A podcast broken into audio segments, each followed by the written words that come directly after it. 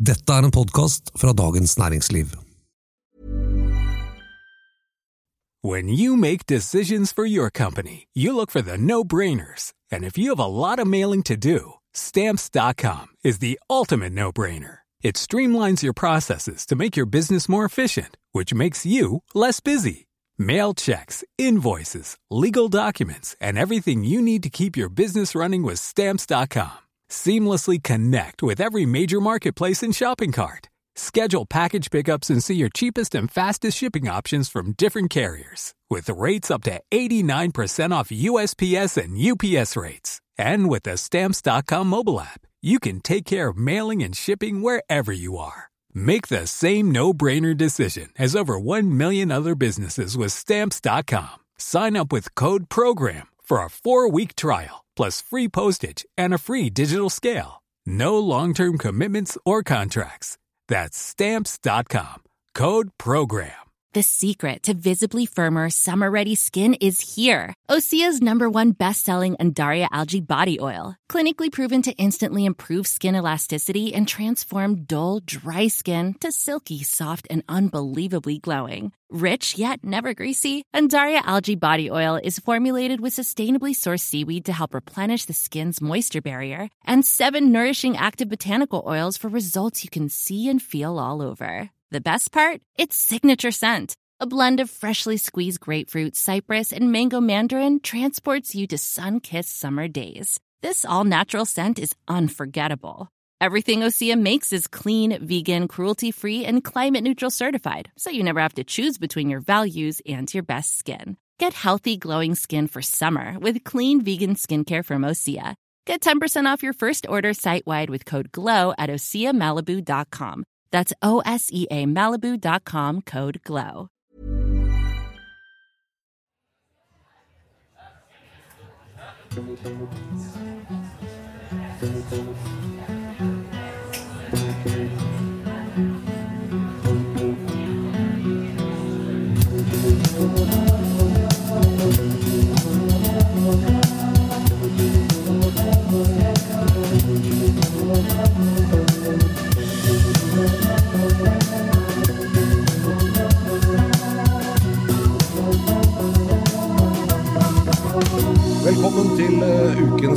Siste frokost uten filter her fra DN-teltet i Arendal.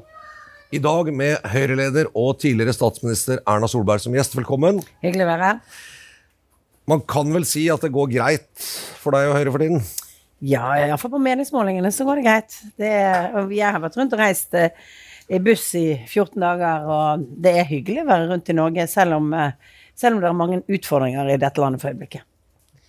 Med de tallene som meningsmålingene viser nå, Høyre eh, altså pluss-minus 30% over 30 på noen målinger, borgerlig flertall. Er du litt bitter over at du hadde en sånn dupp i formen på valget i fjor?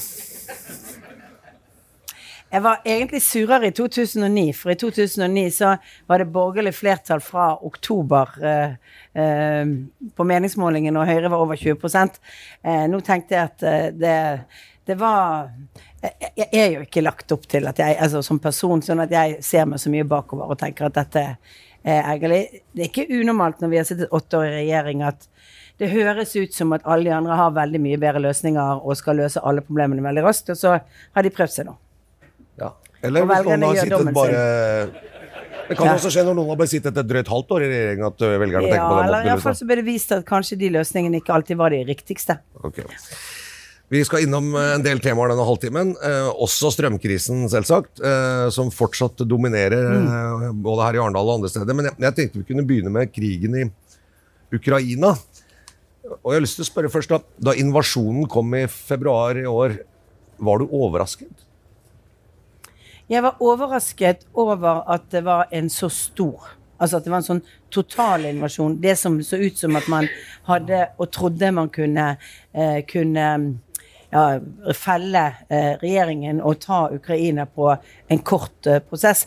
Det tror jeg som alle andre var veldig overrasket over. At det kom en akselerering opp av en konflikt, det var jeg ikke så overrasket over, for det hadde det bygget opp. Eh, men hvis du hadde spurt meg om jeg trodde det to måneder før, så ville jeg sagt nei. For hva skulle Putin egentlig tjene på dette? Altså Det er veldig vanskelig for oss som har en helt annen tankegang om hva dette betyr, og krig, som ikke helt kan sitte inne i måten man tenker på, på i Russland, og, og se hva skulle dette vinnes, hva, hva skulle de oppnå med dette?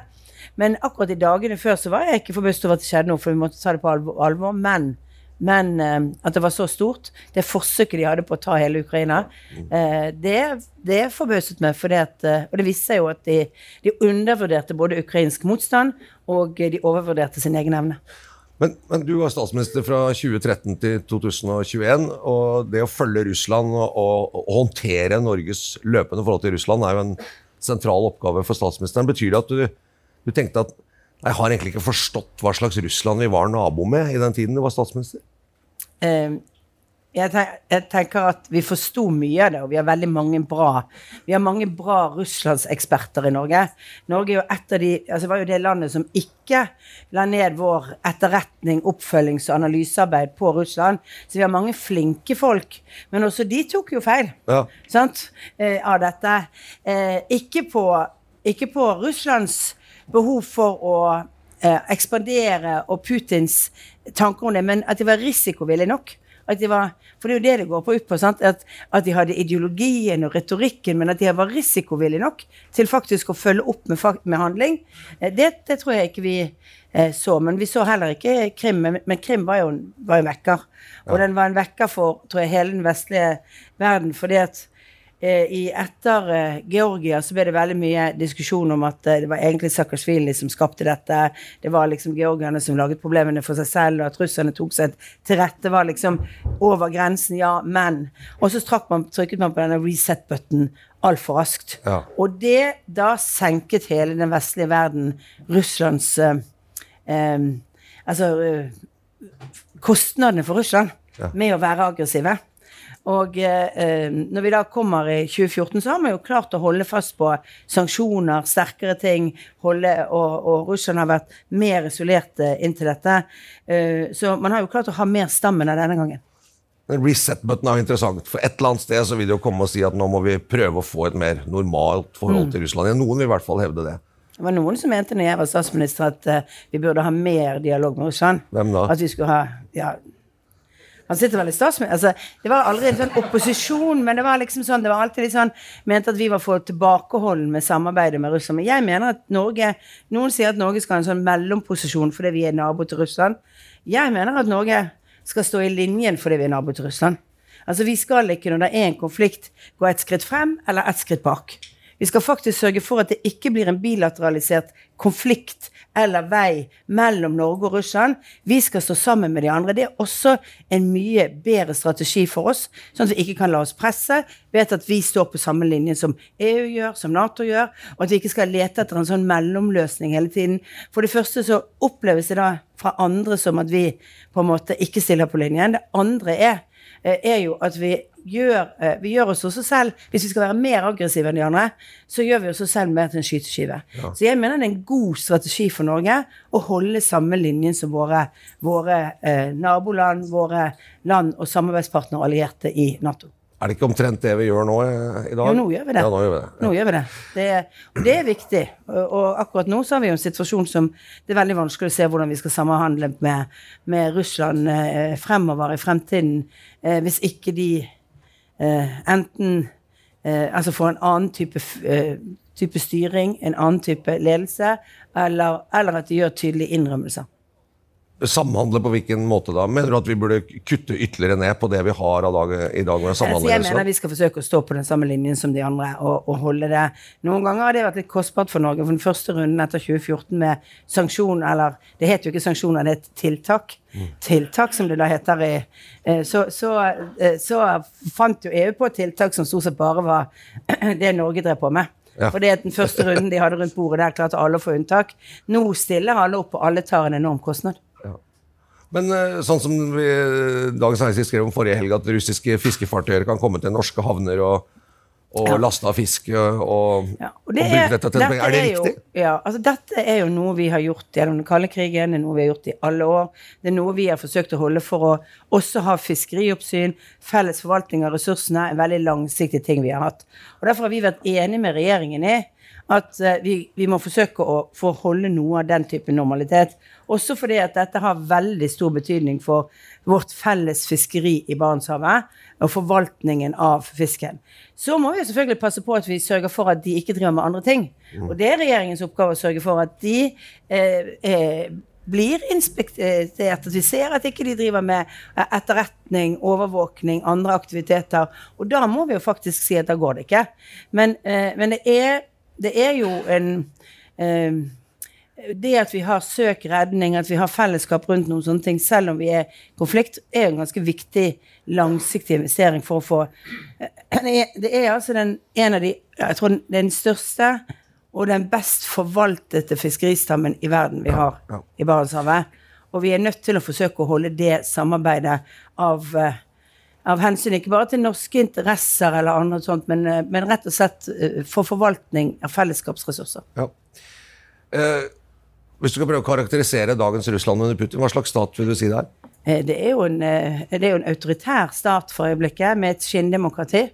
Og det er et skinndemokrati. Og jeg sa faktisk det i 2007, da var vi på vei til, til Russland. Og da fikk jeg kjeft av mange andre. Jeg sa at vi kunne ikke kalle Russland et demokrati lenger. For det, når de hadde den loven om eh, utenlandske agenter, hvordan de har slått ned på frivillig samfunn Altså alle disse steinene som skal til for at et demokrati faktisk kan fungere. Selv om du har valg, så betyr det ikke at du har demokrati. Hvis ikke det er tilgang til media, hvis ikke det er mulighet for å komme ut med synspunktene sine, hvis ikke du har fri presse og kritisk presse at du har Og det har du jo ikke i dag i, i Russland. Eh, og det er blitt verre. Er Russland en alvorlig trussel mot Norge i dag? Vi opplever ikke at Russland har en agenda direkte mot Norge. Eh, og, men vi må bare være klar over en ting. Vi, vi er så Altså, det er vår geografiske plassering som er utfordringen vår til Russland. Vi kontrollerer inngangen til deres største marinebase. Deres adgang til Atlanterhavet. Og det gjør at uansett så vil vi, altså vil våre territorier og vårt område være så strategisk interesse for Russland at det har ikke noe med om vi er snille eller greie eller et eller annet Det har rett og slett å gjøre med at vi må ha den garantien vi har i en Det er litt tankevekkende når du sier at to måneder før invasjonen tenkte du dette er en risiko som ikke Russland tør å ta, og så Ja. skjer det, og så sier man nå nei, det er ingen agenda, vi opp Altså, det blir jo klarere å analysere situasjonen Kanskje analysere situasjonen med Norge like dårlig som dere gjorde i Ukraina? Det kan selvfølgelig være, men, men eh, og, og derfor er jo alle de scenarioene vi alltid har hatt, eh, vurderer, er jo at hvis Russland kommer i konflikt et annet sted, så øker spenningen hos oss pga. kontrollen av veien ut av Murmansk. Sant? Vi opplever jo at alle, alle de analyser som er gjort i mange mange år i Norge, er jo at det, vi er liksom en sånn sekundærrisikosituasjon. At hvis Russland kommer i en større konflikt, så blir det også farligere i Norge. Fordi at vi sitter med den kontrollen av de områdene. Eh, og så kan det selvfølgelig være at, at de at all den tankegangen hele det norske establishment har gjort på etterretningssiden, ikke stemmer. Men man husker hva det er som er grunnlaget for konflikten i Ukraina. Det er jo at Ukraina var en del av Sovjetunionen, at man opplever at det er mange russere der, at det er en del av den talen som Putin holdt i 2007 på München, hvor han snakket om at, at uh, russere, uansett hvor de er, er, er liksom Russlands interesse. sant? At de på en måte har en annen det, Der har vi ikke samme situasjonen i Norge, men vi har vår geografiske plassering. Og den er det som kommer til å være det som utgjør på en måte grunnlaget for, for uh, å ønske kontroll over Norge. Nytt tema, strømkrise. Eh, norske velgere ser jo ut til å mene, kan man i hvert fall tro, da, at du ville håndtert denne krisen bedre enn Jonas Gahr Støre. Så det er jo naturlig å spørre hvordan ville du håndtert denne strømkrisen? Det ville iallfall vært en, eh, en støtteordning for næringslivet, for det foreslo vi allerede i januar. Eh, Der foreslo vi en støtteordning med de EU-reglene som var den gangen. Det var en sånn eh, støtteordning som ville gått til små og mellomstore bedrifter, som ville kunne få støtte, sånn som vi gjorde i koronaen, ved at kommuner eller fylker hadde fått tildelt penger som de kunne gi etter kriterier hvor, hvor det var utfordringer. Eh, og, og det var det vi foreslo da, for da var det såkalt bagatellmessig støtte som kunne gis.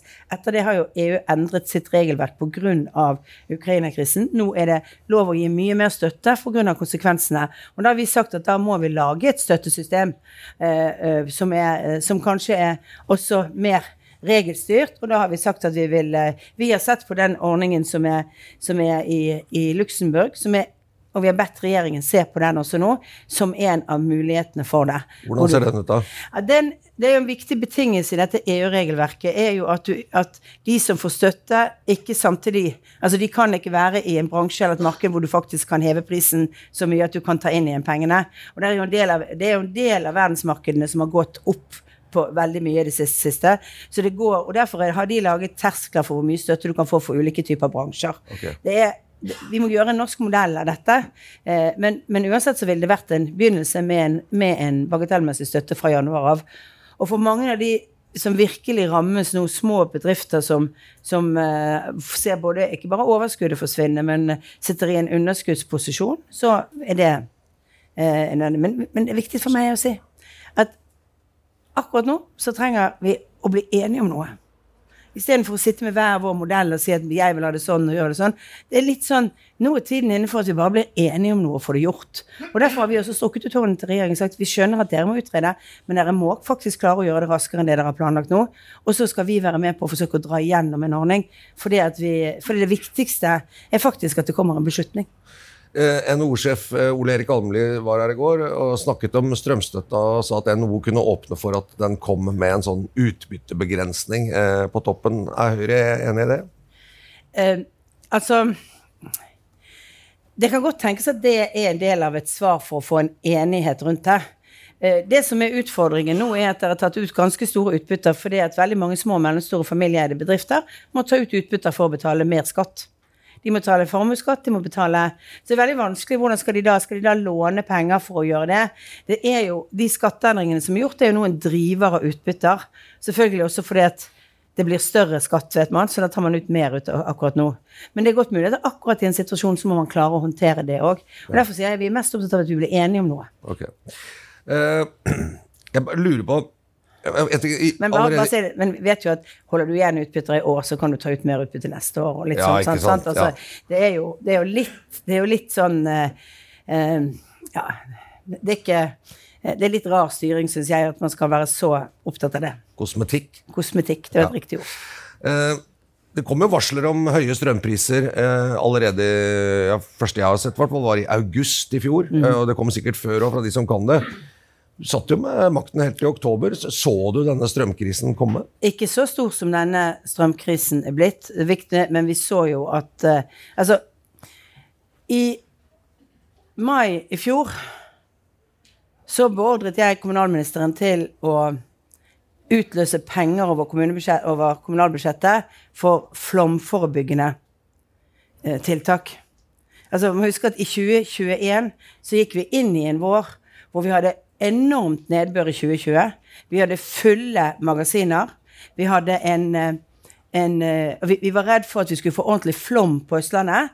Sant? Så vi satte i gang tiltakene for det. Så fikk vi ikke den flommen, for det regnet jo ikke. Vi drev valgkamp i fjor, og vi syntes det var den fineste valgkamp vi har drevet, bortsett fra valgresultatet. Ja. Fordi at fordi, uh, fordi, det var jo fint vær hele valgkampen, men det var jo så tørt på høsten ja. at det tømte på en måte ut alle reservene på det tidspunktet. Så kan du si ja, men vi trodde jo ikke Når vi satt og laget statsbudsjett, f.eks., så var vi jo i en situasjon hvor strømprisene egentlig var veldig lave, og hvor de men så begynte de, og så var en av de tingene vi gjorde, var jo at vi da senket eh, elavgiften i det budsjettet som vi la frem, ja. eh, som ett tiltak for å holde litt nede. Men, men, altså, eh, jeg har jo bare lest hva som ble sagt, og det var spådde jo priser godt over en krone, 1,50, noen sa to. Det kommer til å vare gjennom hele vinteren, det sa ekspertene. Eh, Jonas Gahr sier at når de kom og skulle begynne å håndtere, så var det tomt i alle skuffene. Dere hadde ikke gjort noen ting for å forberede Norge på at det kunne bli en så høy priser? Ja, vi har eh, bygget 15 eh, TWh i den perioden, da.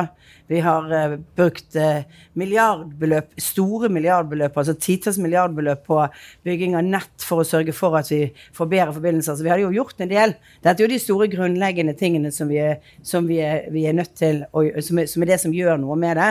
Bygge mer nett, sørge for at vi kan utveksle mer sant, internt i landet, sørge for at vi bygger ut mer, mer kilder. Så jeg syns den historien høres litt rar ut. Jeg vet ikke hva han For det som skjedde når vi kom, var jo at når vi så at prisene ble så store, så gjorde jo vi endringer i vårt budsjett på Stortinget, og foreslo da en, en støtte strømstøtte. Og først fikk vi SV med på å få frem overfor regjeringen at vi skulle både ha bostøtte, og at vi skulle ha tillegg for studenter og litt andre ting som, som kom. Ja. Men, eh, men eh, eh, det er jo sånn at når du sier august, ja, og da var vi, hadde vi satt siste 17. august, så hadde vi lagt siste hånd på et budsjett, for vi har altså senket elavgiften noe.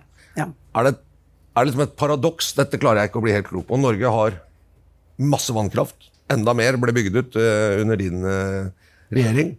Det var litt mye vindkraft da, det ble ja, bare det. Men vi har, vi har i hvert fall mye grønn kraft. Vi er ganske selvforsynt, og det er liksom en del av Norges historie at vi klarte å liksom forsyne oss selv med kraft gjennom å øh, bygge ut vassdrag og fosser. Eh, mens andre land må mikse mer med forskjellige typer energikilder. Også av en eller annen grunn så er den kraften som er, den ligger i Norge, den her er, er helt nå eksponert mot prisen på gass i Tyskland og Storbritannia. Den samvarierer med det. Hvorfor har det blitt sånn? Eh, For det første så har jeg lyst til å si at det høres ut som vi hadde full forsyningssikkerhet vannkraft med vannkraften. Det er jo ikke sant. Vi hadde jo år hvor det var, var manko på strøm tidligere. Vi hadde år hvor det regnet. altså sant? Eh, vi varierer jo på nesten 50 TWh mellom de tørreste årene og de våteste årene i Norge. Så vi har jo en veldig ustabil kraftkilde i utgangspunktet. Hvert tiende år så får vi stort sett et eller annet sånt år hvor det, hvor det faller ned. Derfor var det jo viktig for forsyningssikkerheten til Norge at vi brukte mer kabler. Ja. Vi har bygget kabler for også å kunne jevne ut de årene hvor det har regnet for lite, og hvor folk er veldig glad for det at det er fint vær, men altså vi får høyere strømpriser som en konsekvens av det. Vil du si at, vil du si at vannkraftlandet Norge har en veldig ustabil eh, kraftsituasjon? Nei, men hvert tiende år cirka, så kommer vi i den typen situasjoner, sånn i snitt. Og derfor så var en av grunnene til at vi har bygget kabler, og bygget det, var jo for å sikre forsyningssikkerhet, jevnere priser, men også for å bygge ut mer kraft. De 15 TWh-ene som jeg snakker om som ble bygget i den perioden fra 2013 til 2020, de hadde neppe blitt realisert hvis vi ikke hadde kunnet selge ut, for prisen i Norge var for lav til at det ville lønnet seg å bygge ut de. Da vi, og da ville vi hatt enda større manko. Så det er jo en sammenheng. Sant? Det gir oss mer forsyningssikkerhet at vi har det, Ja. at for de tørre årene vi har. Og i tillegg så har det gjort at vi har bygget ut mer fordi vi har hatt mulighet til å avsette kraft. Men når du ser nå at, sant, at eh, fordi det er en veldig ustabil gassituasjon i Europa, så er det sånn at Norge, eh, og det hadde vært sånn om vi hadde hatt mer vann også, har enormt høye priser på kraft. Så høye priser at man må dele ut milliarder til husholdninger, dele ut milliarder til bedrifter. Sier ikke det noe om at det, det er et eller annet i systemet som ikke virker? Eh, ja, og han, den systemfeilen heter jo Putin. Sant? Altså må huske, altså vi lager nå Vi lager nå en debatt i Norge som glemmer at fra sommeren 2021 så begynte Putin å skru på gassleveransene til Europa. Det har han solgt til mye mindre. Det er en måte å drive destabilisering på. Så mye som vi har snakket om liksom, hvordan russerne forsøker å drive destabilisering, så må vi skjønne at de har brukt energi i denne krigføringen. Så kan du si vi kunne selvfølgelig ha sittet her og ikke hatt kabler og ikke blitt påvirket av det. Eh, Det hadde vært, men, det, men de ekstremprisene vi har nå, de kommer av i hovedsak at gassen først, først han skrudde opp jeg skrudde ned leveringene. Så kommer jo krigen, og så kommer jo da ønsket om å bli uavhengig fra veldig mange land. Og så har vi litt andre ganske store utfordringer. F.eks. det største nettoeksportlandet i Europa er nå nettoimportør. Det er Frankrike. Frankrike har de høyeste energiprisene i Europa, til tross for det. Og det skyldes eh, flere ting. Eh, Men det skyldes bl.a. at eh, veldig mange av deres atomkraftverk for øyeblikket er under rehabilitering pga. det. Så det er mange ting som skjer Ja, på en gang. Men, men det er lett å skjønne at strømmen er dyr i Tyskland når de har mindre gass. Men det er ikke liksom helt logisk å skjønne at derfor må den også være kjempedyr i Norge. For vi bruker ikke gass.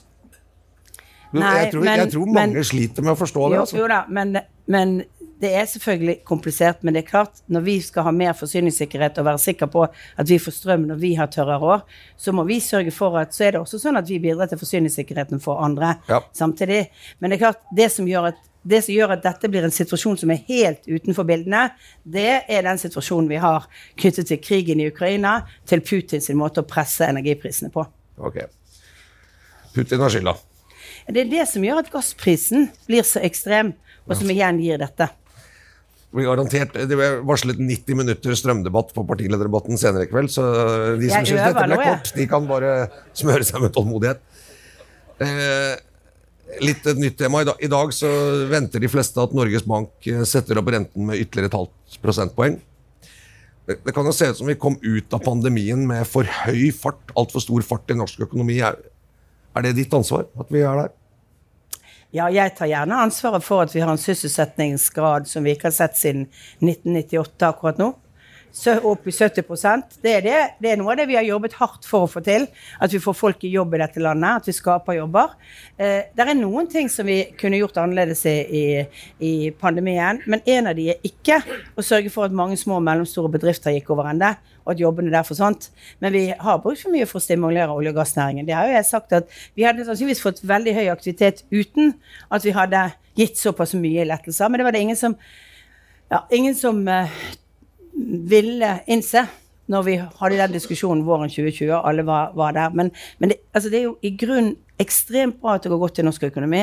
Sant? Sverige snakker om de kan få resesjon nå. Vi hadde vekst på 0,7 eh, ifølge morgensnyhetene, på 0,7 i annet kvartal. Det er bra, men vi må gjøre noe med det som er flaskehalsene våre, og det er tilgangen på arbeidskraft som er den største flaskehalsen. Og da er jo vår jobb som politiker å jobbe med det. Ikke å gjøre det vanskeligere for arbeidskraft, men gjøre det enklere. Hjelpe flere ut av de som står utenfor arbeidslivet inn. Jeg syns det er rart å ha en regjering som i denne perioden mener at nå skal de gjøre det vanskeligere for små og mellomstore bedrifter å drive innleie av arbeidskraft. Ja. Sånn, det, det syns jeg Der syns jeg liksom du tar, tar eh, de sakene du har snakket om for tre-fire år siden, og så innfører du det i en tid hvor det er optimalt feil å gjøre. Sant? Vi skal ha et seriøst arbeidsliv, men vi må ikke gjøre det så firkantet at små og mellomstore bedrifter sliter. Uh, du, du, skrev en bok jeg tror det var i 2011 som het eh, 'Mennesker, ikke milliarder'. Jeg tenkte at jeg har sett din regjeringsperiode fra 1321, så tenkte jeg bare sånn milliarder med store bokstaver, altså litt mennesker i sånne små bokstaver masse under. Mennesker, skal jeg si det. Ja, masse mennesker, ja, Men veldig mange, mange milliarder òg. Jeg ja. bare lurer på, Er vi kommet i en situasjon nå hvor næringsliv og folk forventer at statlige milliarder skal jevne ut enhver nedtur? Og har du vært med å lage en sånn forventning? Jeg tenker at øh, Ja, det er jo en litt sånn holdning i Norge, liksom at, uh, at, at man ber om støtte, hjelp til mye. Jeg er veldig opptatt av å si til folk at Eh, vi er veldig for nye arbeidsplasser, men de må bidra til statskassen og ikke ha en plass på statsbudsjettet. For det, det, har vi ikke råd til i det lange løpet i Norge. Men samtidig så må vi tenke gjennom at de to sakene du egentlig snakker om nå, pandemien, så mener jo jeg at når vi stengte ned som en helsedugnad for Norge og rammet bedriftene, så var ikke det de selv eller deres, det var jeg, regjeringen, som sa nå må dere stenge. Da mener jeg også at vi må være med på å ta en del av ansvaret for hva som skjer med det. Eh, nå har vi veldig mye penger inn i de offentlige kassene fra, eh, fra bedrifter, fra privatpersoner som betaler høye strømregninger. Det er en inndragning av kjøpekraft fra folk som i utgangspunktet eh, vi ikke mente det skulle være. Det som var penger folk skulle hatt. Da har vi muligheten til å betale det tilbake. Og det som blir verst, er hvis vi nå ta inn masse penger fra folk, og så begynner vi å bruke det på offentlige utgifter som blir varige utgifter fremover, istedenfor å tilbakeføre det nå, sånn at folk opplever, og bedrifter opplever at de kan komme gjennom denne vanskelige krisen. Bruker staten for mye penger i Norge? Eh, ja, vi gjør jo det. Og vi driver jo Vi kan drive offentlig sektor mer effektivt, og vi kan gjøre mange ting på en bedre måte enn det vi gjør i dag. Men det er lange, tunge prosesser. Og du kan jo forsøke å lage kommunereform og se hvor at det blir jo, det er jo noen, det, altså, det, Jeg tenker også det er noen transaksjonskostnader i en del omstillingsprosesser som man også må ta med. Sant? Hvor man faktisk får mindre effekt i en periode. Har, vi gjorde masse reformer for å få mer tjenester, bedre kvalitet på tjenestene, eh, for å sikre at vi husholderer med det som kanskje er det aller viktigste, husholderer med arbeidskraften i Norge fremover. Eh, men det er jo ikke så enkelt å få det til. Det er veldig lett i politikk å argumentere for at ingenting skal forandres, det skal bare løses med mer penger. Men sannheten i Norge er at vi er ikke penger som kommer til å ta hovedutfordringen vår fremover. Det er folk. Og da må du faktisk begynne å jobbe på en annen måte. Så Høyres alternative statsbudsjett, som jeg regner med dere er i gang med å jobbe med, det vil det ha en eh, kraftig reduksjon i offentlig pengebruk? Altså Revidert nasjonalbudsjett, når den ble revidert, så hadde vi fem milliarder mindre enn regjeringen i vårt uh, revidering av budsjettet. Uh, det var uh, tydelig ned Og da var det ting vi selvfølgelig hadde lyst til å gjøre ting som var gøy å gjøre, ting som vi både i skole og andre steder har lyst til Og, sant? Vi sa vi kan ikke gjøre det nå. For nå må vi tenke på én ting, og det er at uh, vi må ikke presse renten opp mer enn den normaliseringen som vil komme. Hvis vi presser renten mer opp, så kommer vi til å komme i en situasjon hvor omfordelingen mellom de som er i min alder, til de som er nyetablerere, blir kjempesvær og urimelig. Ja. Eh, Sindre Finnes, din mann, vi var her i går, og så ble han spurt om, eh, om han kunne bli gift med en statsminister igjen, og dermed skrive en ny bok. ikke sant? Gift med Erna. Eh, fortsatt gift med Erna, som det het. Så sa han ja, det trodde han, og han var forberedt på det. og det virket som han ga sin tilslutning til prosjektet at du skulle bli statsminister i 2025. så... Jeg er glad for. Ja. Ja. Det var noen som mente at det var liksom den siste hindringen. At han måtte si uh, at det var ok. Så det, så det betyr vel at uh, du kan si her og nå da, at du, du er du som er Høyres statsministerkandidat i 2025? Uh, eh, det kan bare Høyres landsmøte si. men at jeg har lyst til å være det, ja. Det kan jeg si. Ja. Og det har en viss betydning. Samtidig så vet jo jeg Samtidig så vet jo jeg også at jeg har utrolig mange flinke folk i partiet mitt. Ja. Og jeg har sagt at jeg har ikke tenkt å få være proppen på toppen. Altså jeg har ikke tenkt å være den som skal sitte uh, Så jeg har sagt til dem at uh, når de er forberedt og har lyst, så må de gi beskjed. For da skal jeg også slutte. Fordi at uh, vi har så mye flinke talenter i Høyre for øyeblikket at hvis de vil ta på seg hovedansvaret, så er de velkommen til å gjøre det. Men foreløpig så sier de at de ikke vil. Altså, at de i utgangspunktet vil at jeg skal fortsette. Ja. Bare så, å komme og banke på døren og si at nå syns vi du skal gå av, ja. Det er, skulle likt å se hvem i Høyre som kommer med den nå. Dette, denne, dette er jo historien om når Jan Petersen gikk til Kåre Willoch ja. og sa det. Ja, okay. Når han var partileder den gangen han banket på døren, han var unge Høyres-leder. Han kom og banket på døren og sa nå syns vi, Kåre, at du skal gå av som partileder. Og så sa han syns du det? sa han. Det var i grunnen en god idé, så da gjør jeg det. Så det er ikke så gale, skjønner du. Vi er, ja. Det kommer de til å få som svar hos meg òg. ok. Når den dagen kommer. Han ble parlamentarisk leder, altså han hadde kontroll på politikken. Ja, det er bra. Ok. Ja.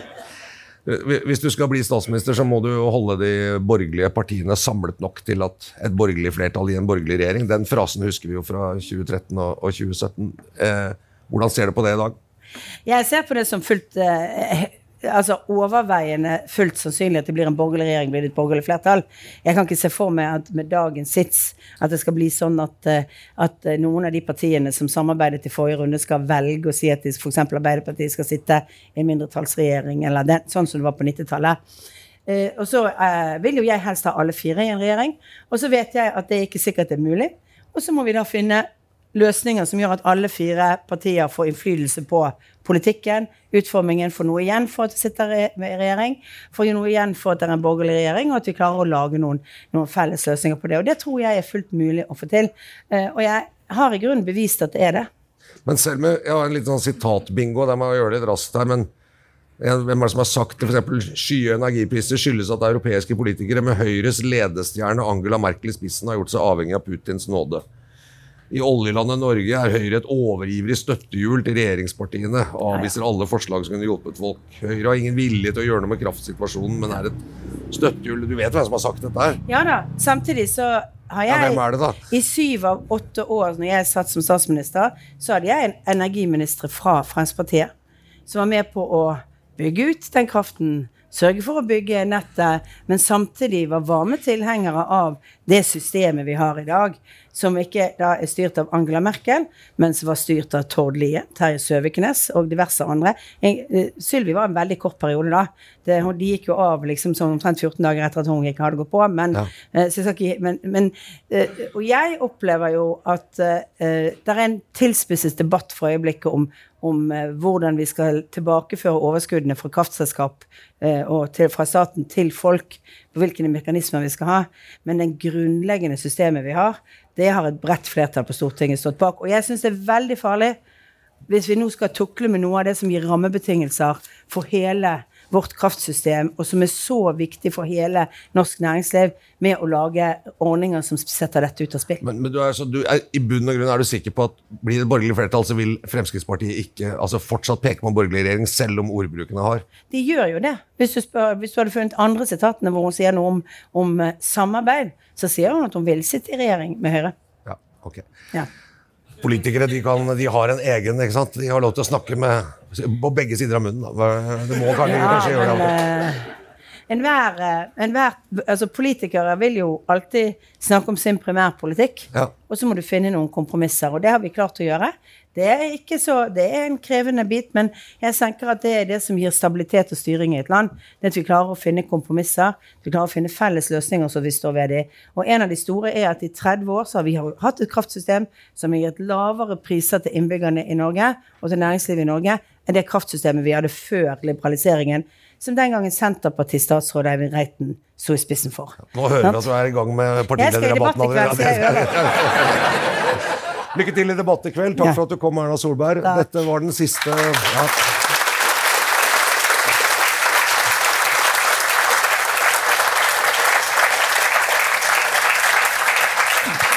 Dette var ukas siste Frokost uten filter her fra DN-teltet i Arendal. Men det er mer program her eh, gjennom dagen. Få med dere Nicolai Tangen og Ida Vollen Bakke som kommer hit senere i dag. Så, men eh, takk for nå, vi ses igjen neste år.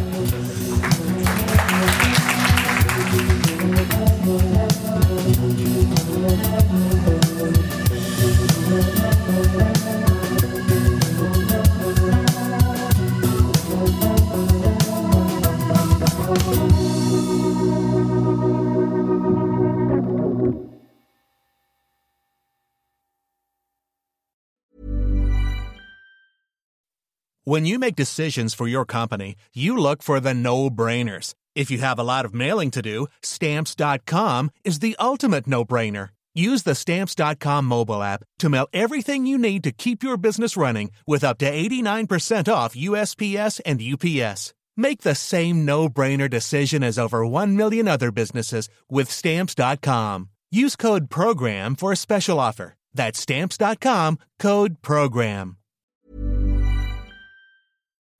Du har nå hørt en podkast fra Dagens Næringsliv.